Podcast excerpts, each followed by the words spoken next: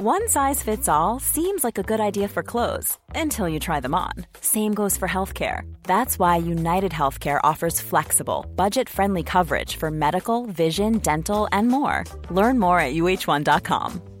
There's never been a faster or easier way to start your weight loss journey than with PlushCare. PlushCare accepts most insurance plans and gives you online access to board-certified physicians who can prescribe FDA-approved weight loss medications like Wigovi and Zepbound for those who qualify. Take charge of your health and speak with a board-certified physician about a weight loss plan that's right for you. Get started today at plushcare.com slash weight loss. That's plushcare.com slash weight loss. plushcare.com slash weight loss. There's never been a faster or easier way to start your weight loss journey than with PlushCare. PlushCare accepts most insurance plans and gives you online access to board-certified physicians who can prescribe FDA-approved weight loss medications like Wigovi and Zepbound for those who qualify.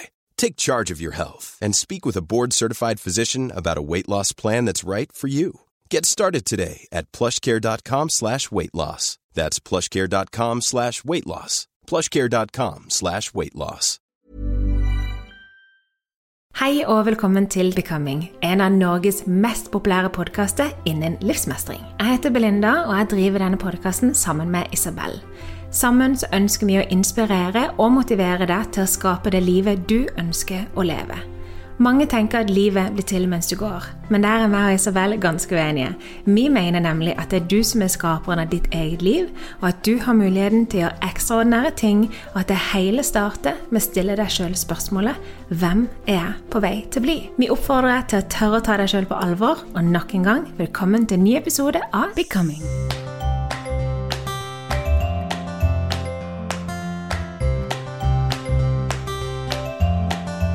Hei, velkommen til en ny episode av Becoming. I dag så skal vi ta opp et tema som vi har snakka om tidligere i podden, men akkurat dette temaet er et tema jeg føler at vi ikke kan repetere nok. Temaet er Hva er din hovedunnskyldning? Veldig mange av oss lever i offermentalitet, og vi har en eller flere unnskyldninger som gjør at vi ikke kan leve det livet som vi egentlig har lyst til å leve. Men av alle disse unnskyldningene så har vi veldig ofte én hovedunnskyldning. Og for lenge siden så gikk Isabel og meg eh, sammen, eller Isabel stilte meg masse spørsmål når jeg skulle bli kjent med min hovedunnskyldning.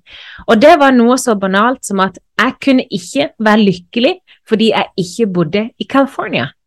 Altså, Å bli kjent med den der altså Jeg var flau, jeg følte meg full av skam, og jeg tenkte bare herlighet, men da kunne jeg i hvert fall begynne å jobbe med akkurat den tingen. Så i dagens episode så skal vi snakke om hovedunnskyldning, og vi kommer mest sannsynligvis innom offermentalitet. Så ta fram penn og papir, gjør deg klar for å være ærlig med deg sjøl, om deg sjøl, mens du lytter. Så sammen kan vi skape en revolusjon med masse mennesker uten hovedunnskyldninger, som bare går for det de vil ha i livet. Velkommen til en ny episode av Becoming. Dun, dun, dun, dun, dun. Eh, fun fact, jeg redigerer bort alle dine sound effects, eh, for der kommer det en jingle. Jeg vet det. Ja. Men jeg bare syns det alltid er gøy at vi har uh, You know, just Nå skal jeg ikke redigere bort denne her, eh, så folk forstår, men hvis du hører tilbake på gamle episoder av Becoming, så kan du vite at før med, i hver eneste jingle så har jeg rediger, redigert bort Isabel Engelhardt Corneliussen, som gjør dun, dun, dun, dun. men jeg liker det, da. Ja, jeg og Adam, når vi, når vi prater sammen på WhatsApp, så avslutter vi alltid med en sang. Jeg har hatt sånn durut, durut, eh!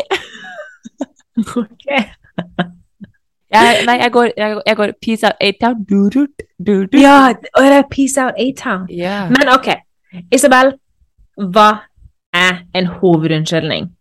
Oh, en hovedunnskyldning er en ting du alltid velger å skylde på. Den ene tingen, vet du, som bare aldri blir bedre, um, eller flere ting som aldri blir bedre. Alltid en, én greie, en ting, et menneske, en hendelse som du alltid kan forklare til hvorfor du ikke kan gjøre det du har lyst til å gjøre. Jeg opplever at kronisk sykdom er den som jeg i hvert fall får høre fra mine følgere oftest. De gangene jeg snakker om å ta kontroll og skape ditt eget liv, så er alltid innboksen min full av mennesker som sier at det er irriterende når du snakker sånn, Melinda, for jeg er faktisk kronisk syk. Jeg vil aldri kunne leve det livet jeg vil leve. Og det har jeg så vanvittig forståelse for at kan være utrolig sårt.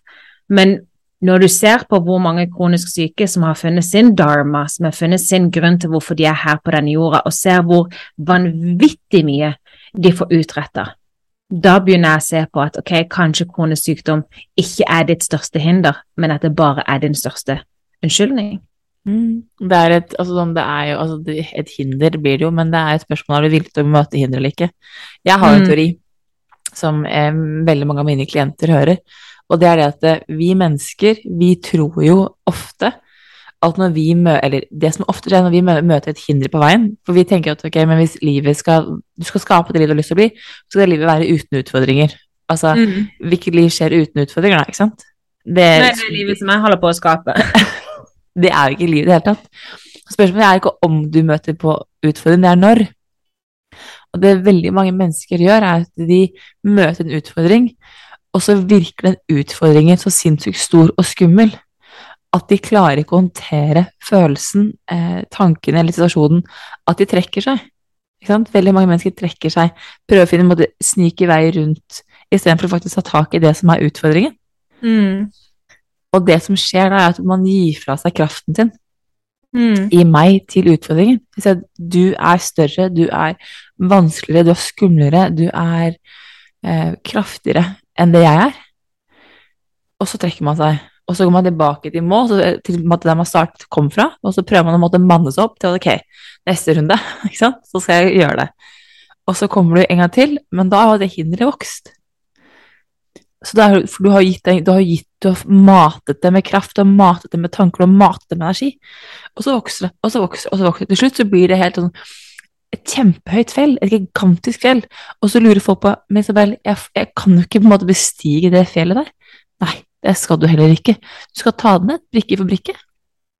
Det er jo litt sånn Har du sett Jeg husker som liten, eh, og vi skulle bade. Jeg, jeg har en klassisk bader, ikke sant. Elsker jo Norge om sommeren hvor du kan hoppe i sjøen og, og kose deg. Og jeg husker at du, at du skulle manne opp da du var liten og skulle bade. Sånn. Ta løpefart. Mm, og så angrer du. Så stopper du liksom. Ikke sant? Rett opp. Og det er litt sånn du kan gjøre med, med et hinder du løper, og så sier du at det blir, det blir for stort, for skummelt. Jeg trekker meg. Men den farten du har brukt, brukt for å bygge opp, det er jo farten og kraften det gir til hinderet. Wow. Det er- Nei, dette var en kjempefin eh, forklaring, spesielt dette med at du, du gjør din unnskyldning om til dette store monsteret som bestemmer over livet ditt, og du er bare stakkarslig og kan ikke gjøre noen ting. Wow. Så det er jo det at hvis du, og når jeg sier at du skal begynne å ta, ta det fra hverandre, så er det at hvis du kan begynne å ta fra hverandre hindre, da, ikke sant? Mm. Som gjør at eh, du tar, da tar du litt mer, mer, litt mer kraft. Du vil ikke ta hele på en gang, men jo litt og litt mer. Det som skjer da, når du tar tilbake kraften din, begynner å ok, det fins en vei igjennom de hindre her. Det skjer kanskje ikke på min tids, ifølge min tidstabell eller tidsskjema, eller som jeg vil at det skal skje, men det fins en vei igjennom, jeg må bare finne den. Mm. Så det som skjer da, er at du begynner å skape selvtillit og mestringsfølelse av deg selv. Og derifra så kan du, får du enda mer kraft til å klare å gå igjennom det hinderet. Mm. Fordi spørsmålet er ikke om du kan komme til mål. Det kan du, men spørsmålet er er du villig til å stå i ubehaget som da hinderet representerer. Mm. Veldig mange mennesker her sier ja, men. Og når mennene kommer, Sett deg godt til etter, folkens. Her kommer forklaringen. Hvis du forklarer meg hvorfor du ikke kan stå i ubehaget, så er jeg sånn Ja, når og hvordan skal jeg forklare deg at du nå snakker om, om hovedunnskyldningen din? Nettopp. Kan jeg få ta et ganske funny eksempel? Ja, gjerne. Faktisk om meg, fordi jeg har? Jeg har sagt på den at jeg liker å løpe. Jeg løper mil, milen, har måttet vært en greie jeg har gjort de siste årene. Men jeg er ingen løper. I mitt hode er jeg ingen løper fordi Er du klar? Jeg har en familie med løpere. Så jeg har en fetter som er x antall verdensmester i ekstrem triatlon. Han vant VM på Hawaii for et par år siden. Så vant han Norseman, og nå vant han VM i Sveits i ekstrem maraton, nei, ekstrem triatlon. En annen fetter som er tidligere idrettsutøver som langrennsløper, proff. Um, og de løper jo De løper, i mine øyne, de løper mye. Jeg har en søster som har løpt ekstremt mye. eh, som løp Oslo Maraton under fire timer, jeg, her for et par år siden. Og en bror som akkurat gjennomførte en maraton i København i våres. På fire timer. Så jeg har vært sånn Jeg er ingen løper fordi jeg skal ikke melde meg opp til å løpe et løp fordi jeg har en familie med løpere. Og så har jeg da brukt deres magiske bragder som en unnskyldning til hvorfor jeg ikke kan løpe. Ja, hvorfor jeg ikke kan delta i løp. Jeg har aldri startet på stått på startstreken med nummer på brystet. Startnummer. Fordi jeg har, har ikke turt. Fordi jeg er ingen løper. For jeg ligger ikke i klasse med de. Så deres bragd har blitt min hovedunnskyldning. Så hver gang f.eks. min søster har løpt, eller brorsan gjorde det, um, så har jeg vært sånn Ja, ja, men de er jo løpere, ikke sant? Inntil nå, hvor eh, brorsan, min lillebror, Nils August heter han, verdens nydeligste Ja, virkelig. Ja, han er det. Ja. ja. Jeg var, heldig der. Ja. Han er helt fantastisk. Ja. Var, ja, han er helt nydelig. Ja. Eh, han ringer meg og sier han, du, skal ikke løpe halvmaraton i Stockholm, da? I september? Og så var jeg sånn Nei, eh, det går bra. Sånn, jo, kom igjen, da. Jeg løper med deg. Og så, sånn, og så kjente jeg hele kroppen at kroppen min ville. Hele kroppen var sånn Go for it, go for it, go for it. go for it. Så jeg er sånn Ok, greit. Jeg gjør det. Ok, vi skal, vi skal, liksom, vi skal ha bror- og søstertid i Stockholm. For han bor i, i, Sverige, men han bor i Jönköping. Så vi skal måte Kvalitetstid, han og meg, vi skal løpe sammen. Han skal løpe mitt tempo. Vi skal liksom Min greie, jeg får sette tid Altså, ja. Så jeg bare sånn Ja. Og så sa jeg, så kjente jeg på hvor sinnssykt godt det var å tillate seg selv. Bare sånn Ok, nå skal hun faktisk få lov til å prøve.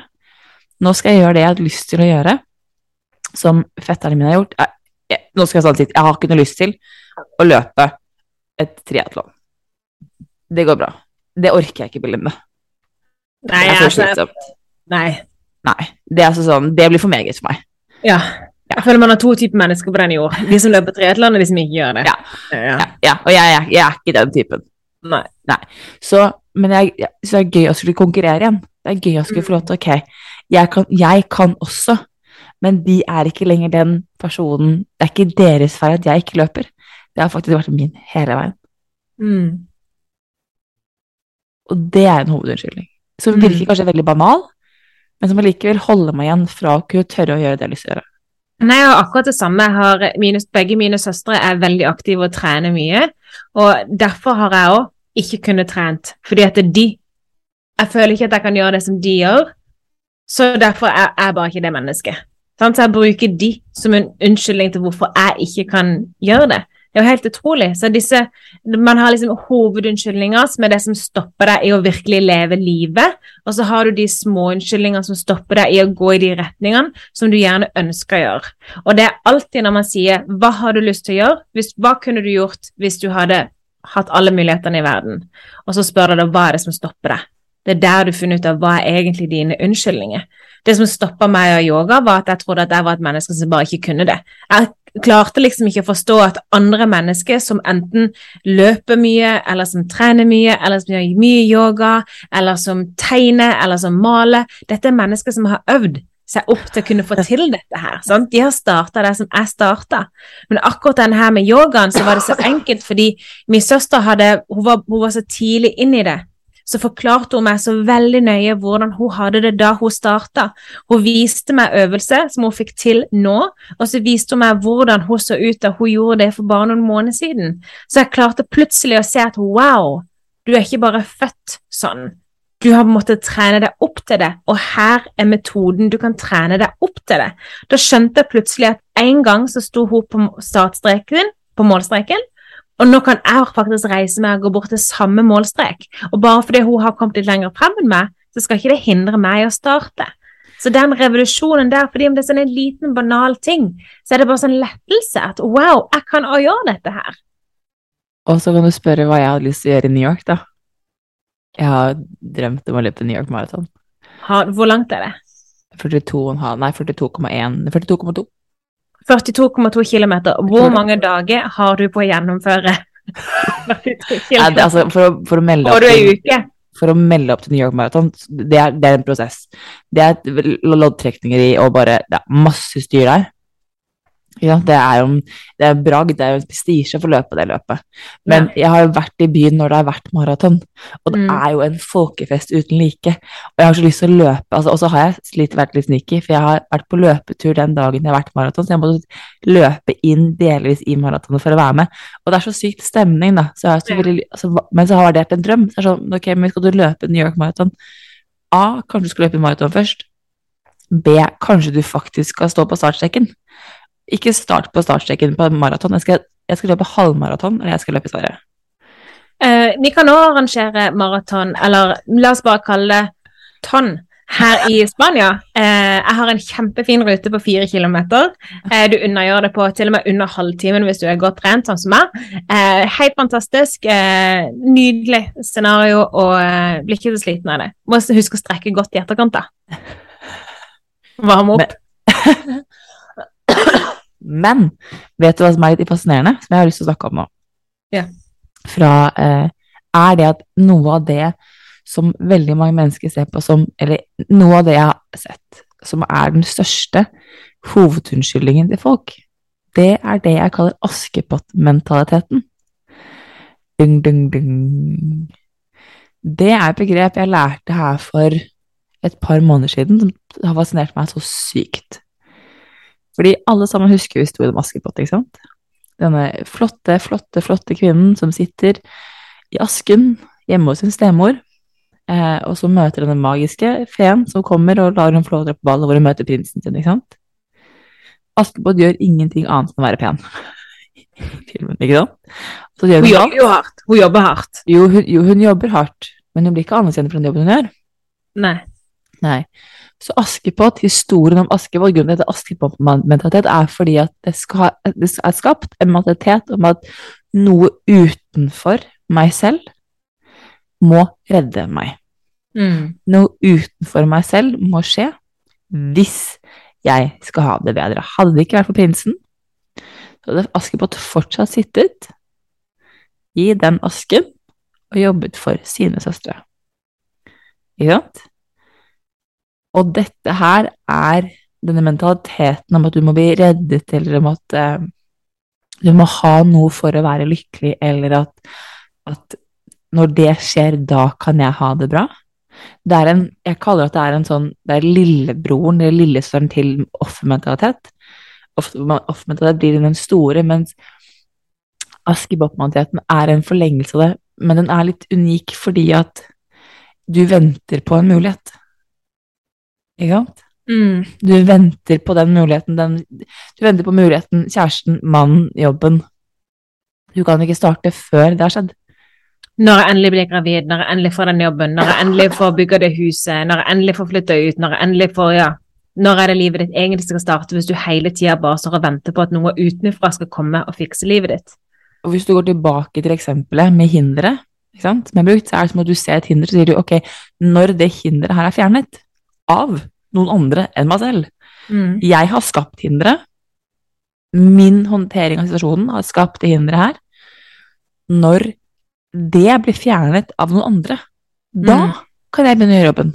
Mm. Da kan jeg begynne å ta tak i meg selv og jobbe med hvem jeg er og hvor jeg vil hen. Mens skal jeg jobbe med meg selv under prosessen? Nei, det var ikke det Askepott gjorde. Askepott satt i asken, hun gjorde det hun ble, ble, fortalt om, hadde ingen grenser, ingen egenverd. I denne historien har hun ingen grenser, ingen egenverd. Hun er bare god og snill, litt naiv. Og så er hun veldig sjarmerende som vinner prinsen til slutt. Mm. Men det er null kraft i Askepott. Mm.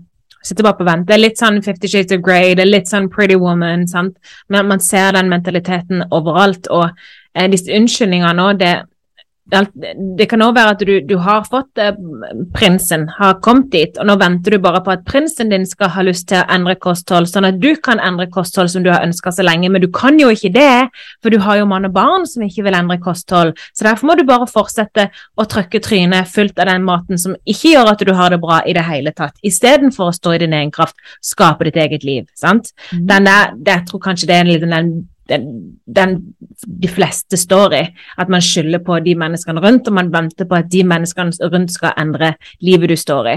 Og jeg husker også da jeg ble sammen med min mann Janko, da hadde min far nettopp eh, gått bort til kreft, og jeg hadde flytta fra California til Norge, og jeg hadde det beintøft. Og jeg husker at jeg var så skuffa over at han ikke fiksa meg. For han gjorde meg jo så lykkelig, og han gjorde meg jo så glad, men det er stor forskjell på at et annet menneske gjør deg lykkelig og gjør deg glad, og tilfører verdi til livet ditt, og på å faktisk skulle fikse de hindrene som du sier som du sjøl har skapt, eller de hindrene som du sjøl har stått i. Nå var det jo ikke meg som skapte hindrene jeg sto i med at min far døde og at jeg måtte flytte hjem fra California, men det var fortsatt mitt ansvar til hvordan jeg skal håndtere det nå. Og som igjen vi refererer til henne hele tida, Dr. Edith Eager, Either Choice, og sier at hva hvis du kan endre spørsmålet Why me? og heller bare skrive Now what? Ok, dette her skjedde. Now what? Hvordan kan jeg ta tak i mitt liv uten å lene meg på barn, på mann, på venninne, på mamma, på pappa? Bare på meg. Hva har du lyst til å gjøre? Bare for deg. Og, og det er jo her liksom eh, Jeg har lyst til å snakke om det i en helt egen episode, jeg skal ikke gå så dypt, men det er jo her veldig mange mennesker sliter, fordi de opplever at ok, men hvis jeg velger meg selv Hvis jeg skal velge meg selv, da er jeg egoistisk, og det tør jeg ikke. Så istedenfor å velge meg selv og prioritere meg selv, som er så egoistisk, så velger jeg mye heller å bare gå rett til Askepott-mentaliteten og ønske at noen andre skal gjøre jobben for meg, for jeg tør ikke å stå i det ubehaget vil si, å, velge meg selv og bli kjent med meg selv og prioritere den personen jeg har lyst til å være, for det virker for skummelt. Mm. Nettopp. Så. um, ja, Ja, nei, vær så god. da er det mye bedre å være en martyr. Og jeg har tenkt å si det, vi kvinner, altså hands up people, vi er ekstremt gode på å være martyrer. Mm. Ja, men sånn helt ærlig, vi ofrer oss altså sånn, den offer- den offerrollen, det å ofre seg, og så bruker vi, tilbake til hovedunnskyldning, vi bruker alle, alt andre som en slags unnskyldning til hvorfor vi ikke kan ta oss selv på alvor, hvorfor vi ikke kan, og lar ting bare pågå. Nettopp. Så det vi anbefaler å gjøre, er faktisk å lære øve, sorry, ikke lære, men øve på å gå inn i deg sjøl og prøve å finne ut av hva er dine unnskyldninger. Både hvis du har store unnskyldninger, og hvis du har små. Vi anbefaler som alltid at du tar penn og papir, fatt og skriv ned, bli kjent med deg sjøl, skrap sammen kanskje 15 minutter hver eneste dag som er din egen tid, hvor du skal bli kjent med deg sjøl. Fordi Ja, vær så god, Isabel. Kan jeg gi et eksempel? En oppgave, en spesifikk oppgave de kan jobbe med? Ja. Ok, her er clouet. Ta siste hendelse som virkelig irriterte deg. Ikke sant? Robin Sharma sier det. Er det, er det hysterisk, så er det historisk.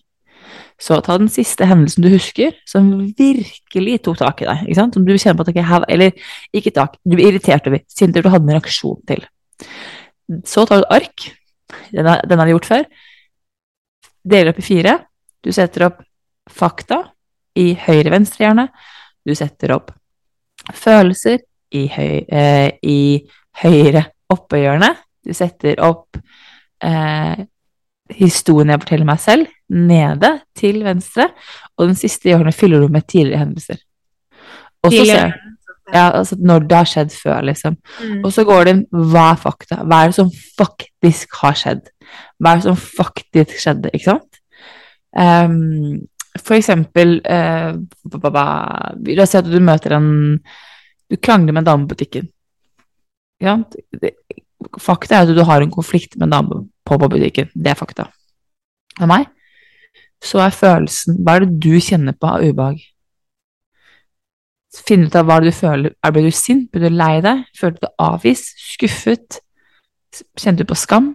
Skyldfølelse? Hva er følelsen? Plasser alt det du følte der. Så går du inn på historien du forteller deg selv. Hva er det du sier til deg selv om situasjonen? Jeg er ikke god nok. Ingen ser meg. Ingen hører meg. Aldri får jeg lov til å komme først. Aldri kan noen være der for meg. Hva er det der for noe? Og så, ikke minst, tidlig hendelse. Når har det her skjedd før?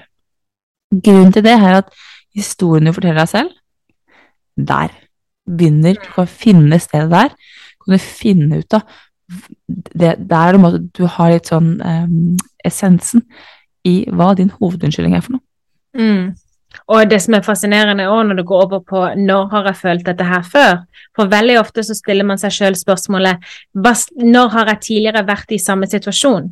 Men her snur vi det. Når har du følt denne samme følelsen? Det kan være en helt annerledes situasjon.